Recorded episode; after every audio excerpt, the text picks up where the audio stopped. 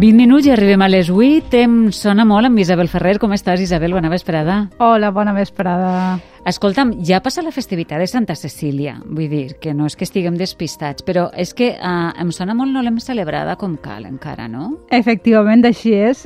S'ha de dir que, segons com, hi ha societats musicals eh, que allarguen les festes sí? un mes, Ai. dinar de germanor, recollida, concerts... Això em sona molt, no? Veus, em sona, em sona a tots. Eh, o sigui que tampoc anem tard del tot, eh? només un poquet.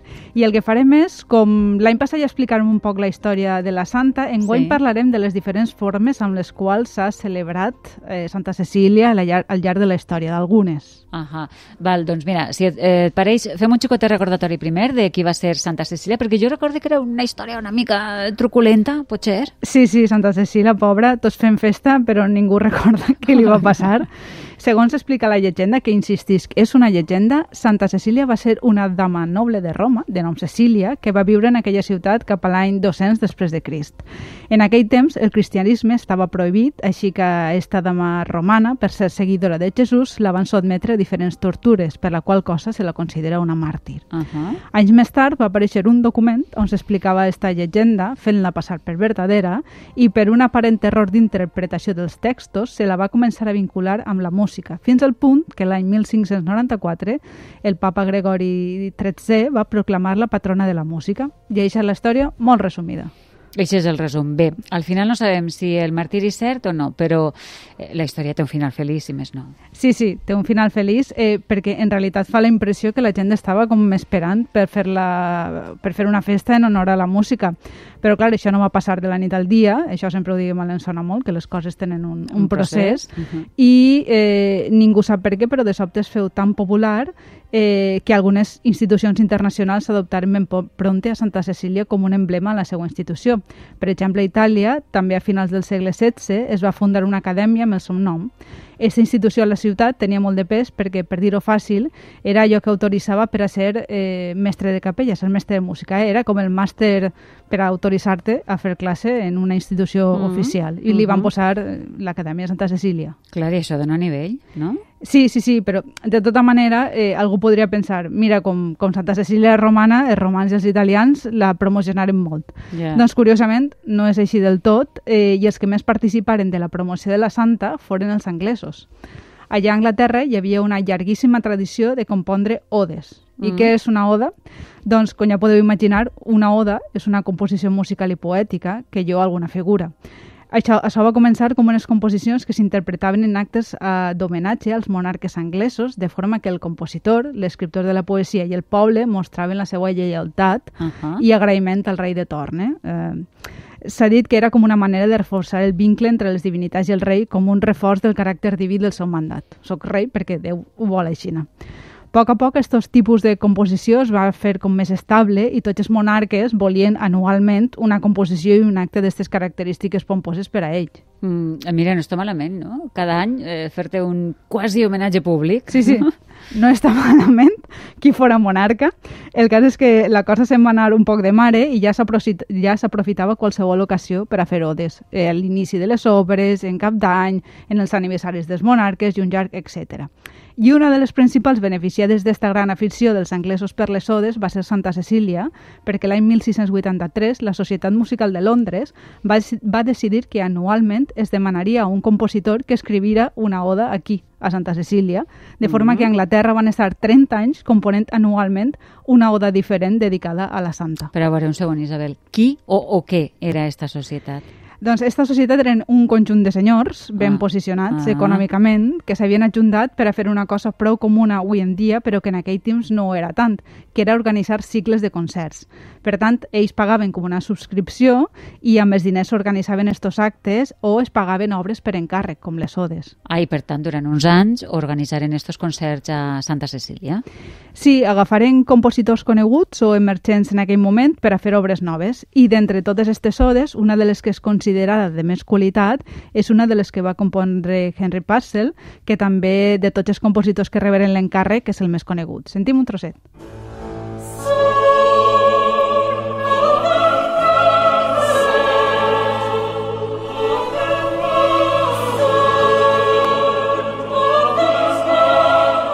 doncs sona molt bé, no? Sí, sona, sona molt, molt bé.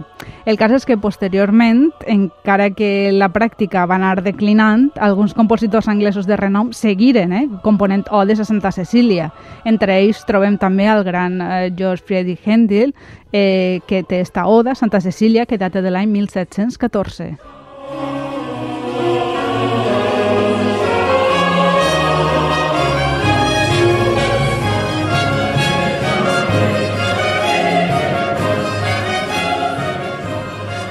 Això sona barroc per Total, tots, els- els costats, absolutament. barroc.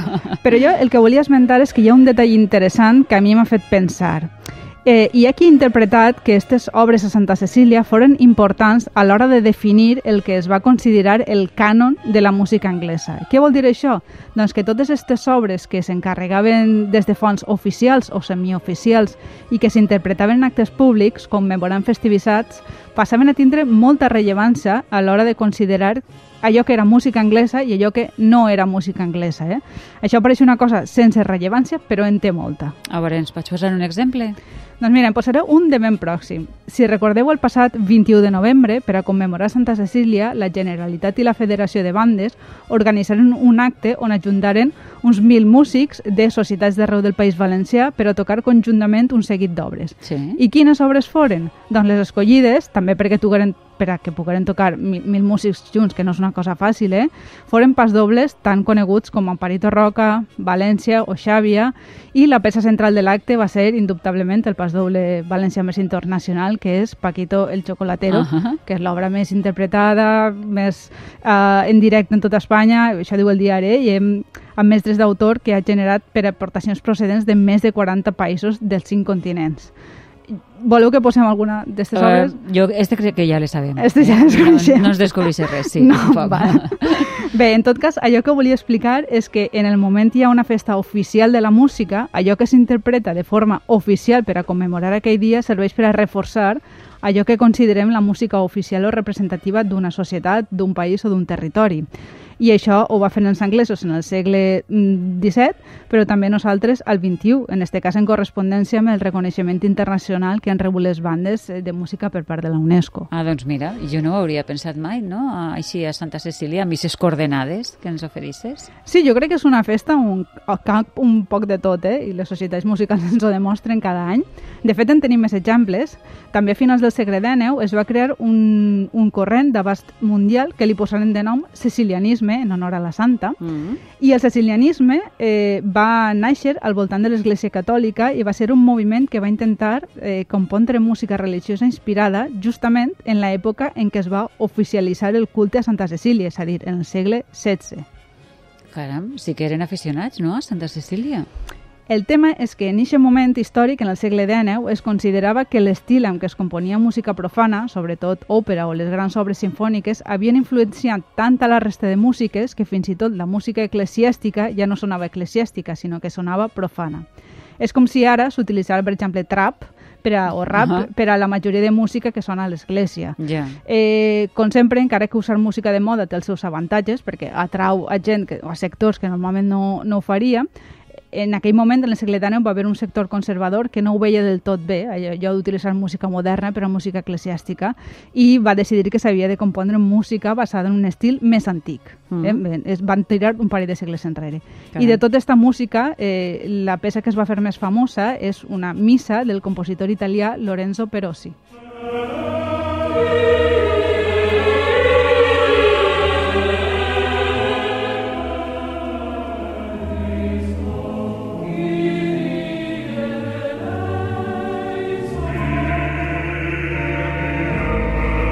A veure, això sí que sona a música que associem a, a Sí. la religió, no? Va Sí. funcionar aquesta estratègia dels sicilianistes, us diríem? Bé, sí. relativament. Entre alguns cercles intel·lectuals sí, i entre gent propera a l'Església també, perquè va ser una època on es formaren en molts cors d'aficionats, Ahà. eh, també d'àmbit popular, eh? eh? però la gent també seguia preferint altres músiques, és un poc difícil tornar enrere en el temps, no?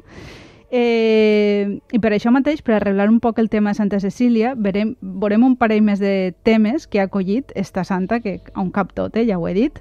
El primer és una cançó, una adaptació del cantautor cubà Silvio Rodríguez, que fa dius? una versió d'una cançó que assimila la santa, en este cas amb dones molt més de carn i ossos. Eh? Ara escoltem un trosset. Por tu simbólico nombre de Cecilia, tan supremo que es el genio musical por tu simpático rostro de africana. Ah, això ja m'agrada més. Sí, no la sí, coneixia, sí. Esta, no, jo tampoc, esta jo tampoc. de Silvio Rodríguez. És una adaptació d'un altre cantautor cubà eh, fa, Ara conegut. Ara sentim les dos veus, sí. Sí, uh -huh. I ell fa bon, la, seva, la seva versió. Molt de tota bé. manera, eh, per a mi, la millor cançó que s'ha dedicat a, a Santa Cecília de les que he pogut trobar, la podem escoltar a continuació i estigueu molt atents. Santa